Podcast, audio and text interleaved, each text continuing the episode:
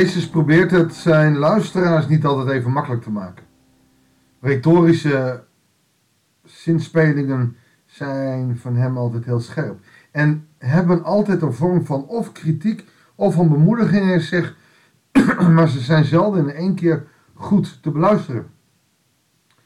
We gaan vanuit Twee Koningen een poosje naar Lucas, maar ook weer naar Filippenzen. We gaan Paulus eens een keer volgen, wellicht op weg ook naar Advent. Maar nu, nu lezen we Lucas 20. Goeiedag, hartelijk welkom bij een nieuwe uitzending van het Bijbelsdagboek. Lucas 20 vanaf vers 41 tot en met 21 vers 4. Jezus zei tegen hen, hoe kan men beweren dat de Messias een zoon van David is? Uh, ja, dat kan niet.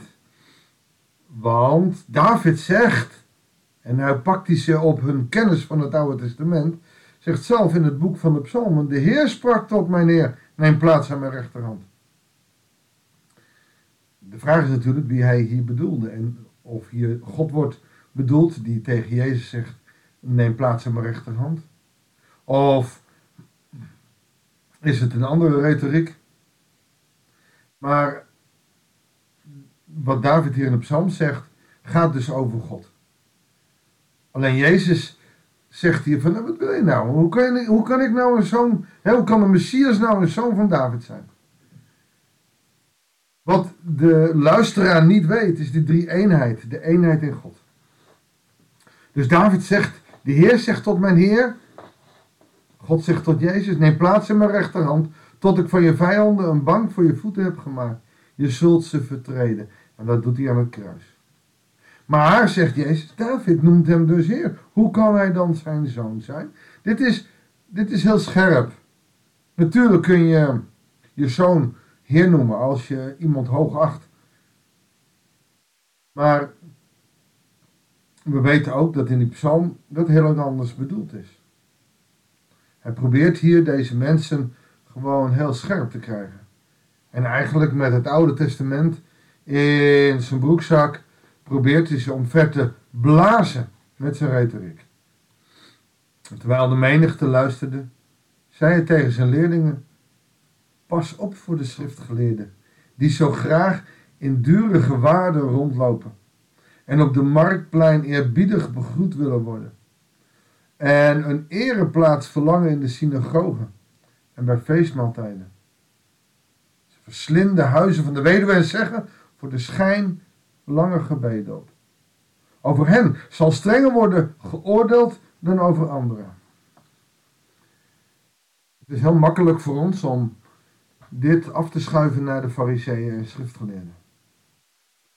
Maar de vraag is even in hoeverre wij onszelf hierin herkennen.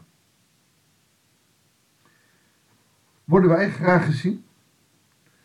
Willen wij graag gezien worden in wat wij allemaal voor de Heer doen? Willen wij de ereplaatsen hebben? Nou ben ik daar in de kerk niet zo bang voor, want de voorste rij blijft altijd leeg. Maar we willen graag geziene gasten zijn op feestmalen, maaltijden. Lange gebeden zijn voor heel veel christenen ook helemaal niet vreemd. We mogen onszelf zo graag horen spreken. We vinden het stoer dat we zondags in de kerk komen. En hoe we dan wekelijks in, de, in ons dagelijks leven met God omgaan, is dan niet belangrijk. We zijn in de kerk geweest en ze hebben ons weer gezien. En ik denk dat velen van ons ook wel iets daarvan hebben. Terwijl Jezus veel meer is van de mensen die zich terugtrekken in hun kamers. Om daar zonder dat ze gezien worden met God willen spreken. Geen dure waarden hebben, maar puur mensen zoals ze zijn. En dat is heel wat anders. En niet voor niets dat, dat Jezus hier tegen zijn leerlingen dit zegt. Maar eigenlijk waarschuwt hij hen ook. Word niet zo.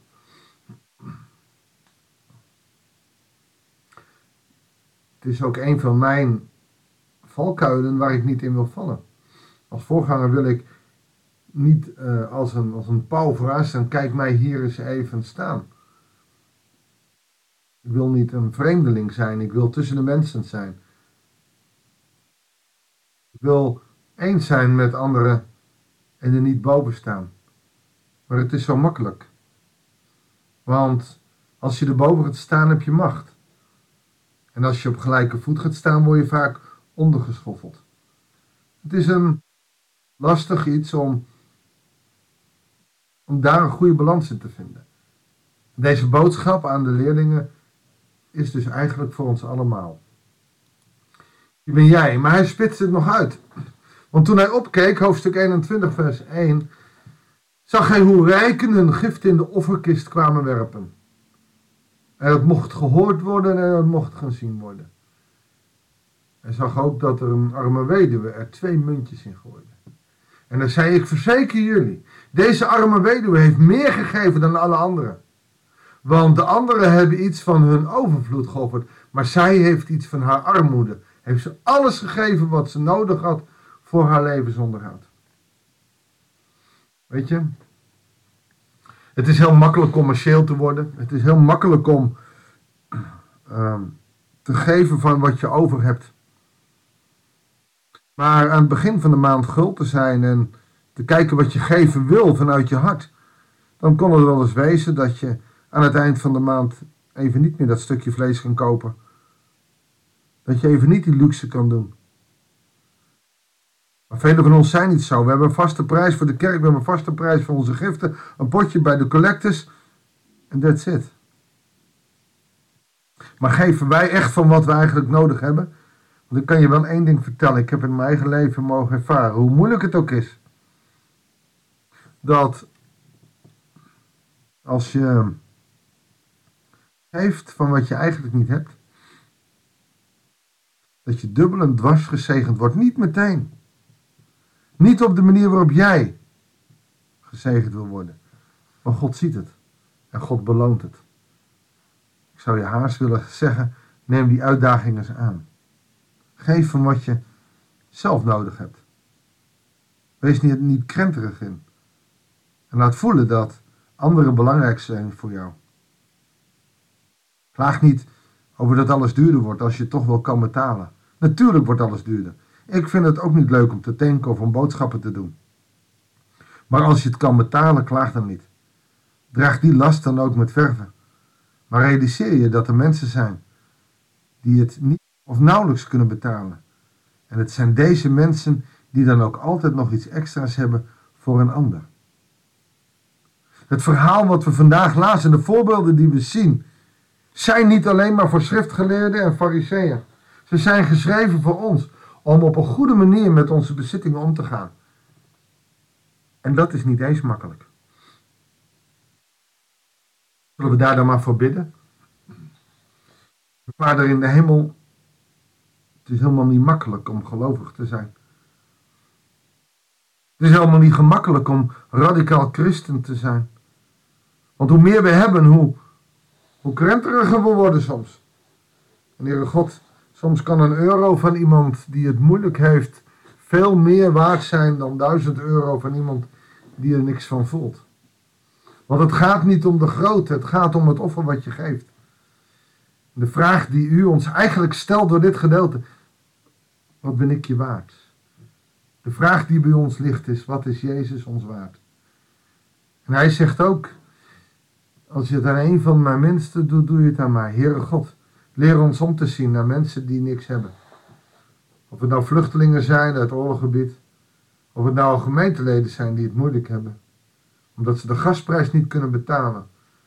Leer ons te delen van de dekens die we in huis hebben voor mensen die het koud hebben. Leer ons te delen om kacheltjes die we hebben toch te geven. Of mensen uit te nodigen om op te warmen. Of om even te douchen. Heere God, geef ons zo praktisch inzicht in de mensen om ons heen. Dat bidden we in de naam van Jezus, onze Heer. Amen. Dankjewel voor het luisteren. Ik wens je God zegen en heel graag tot de volgende uitzending van het Bijbelsdagboek.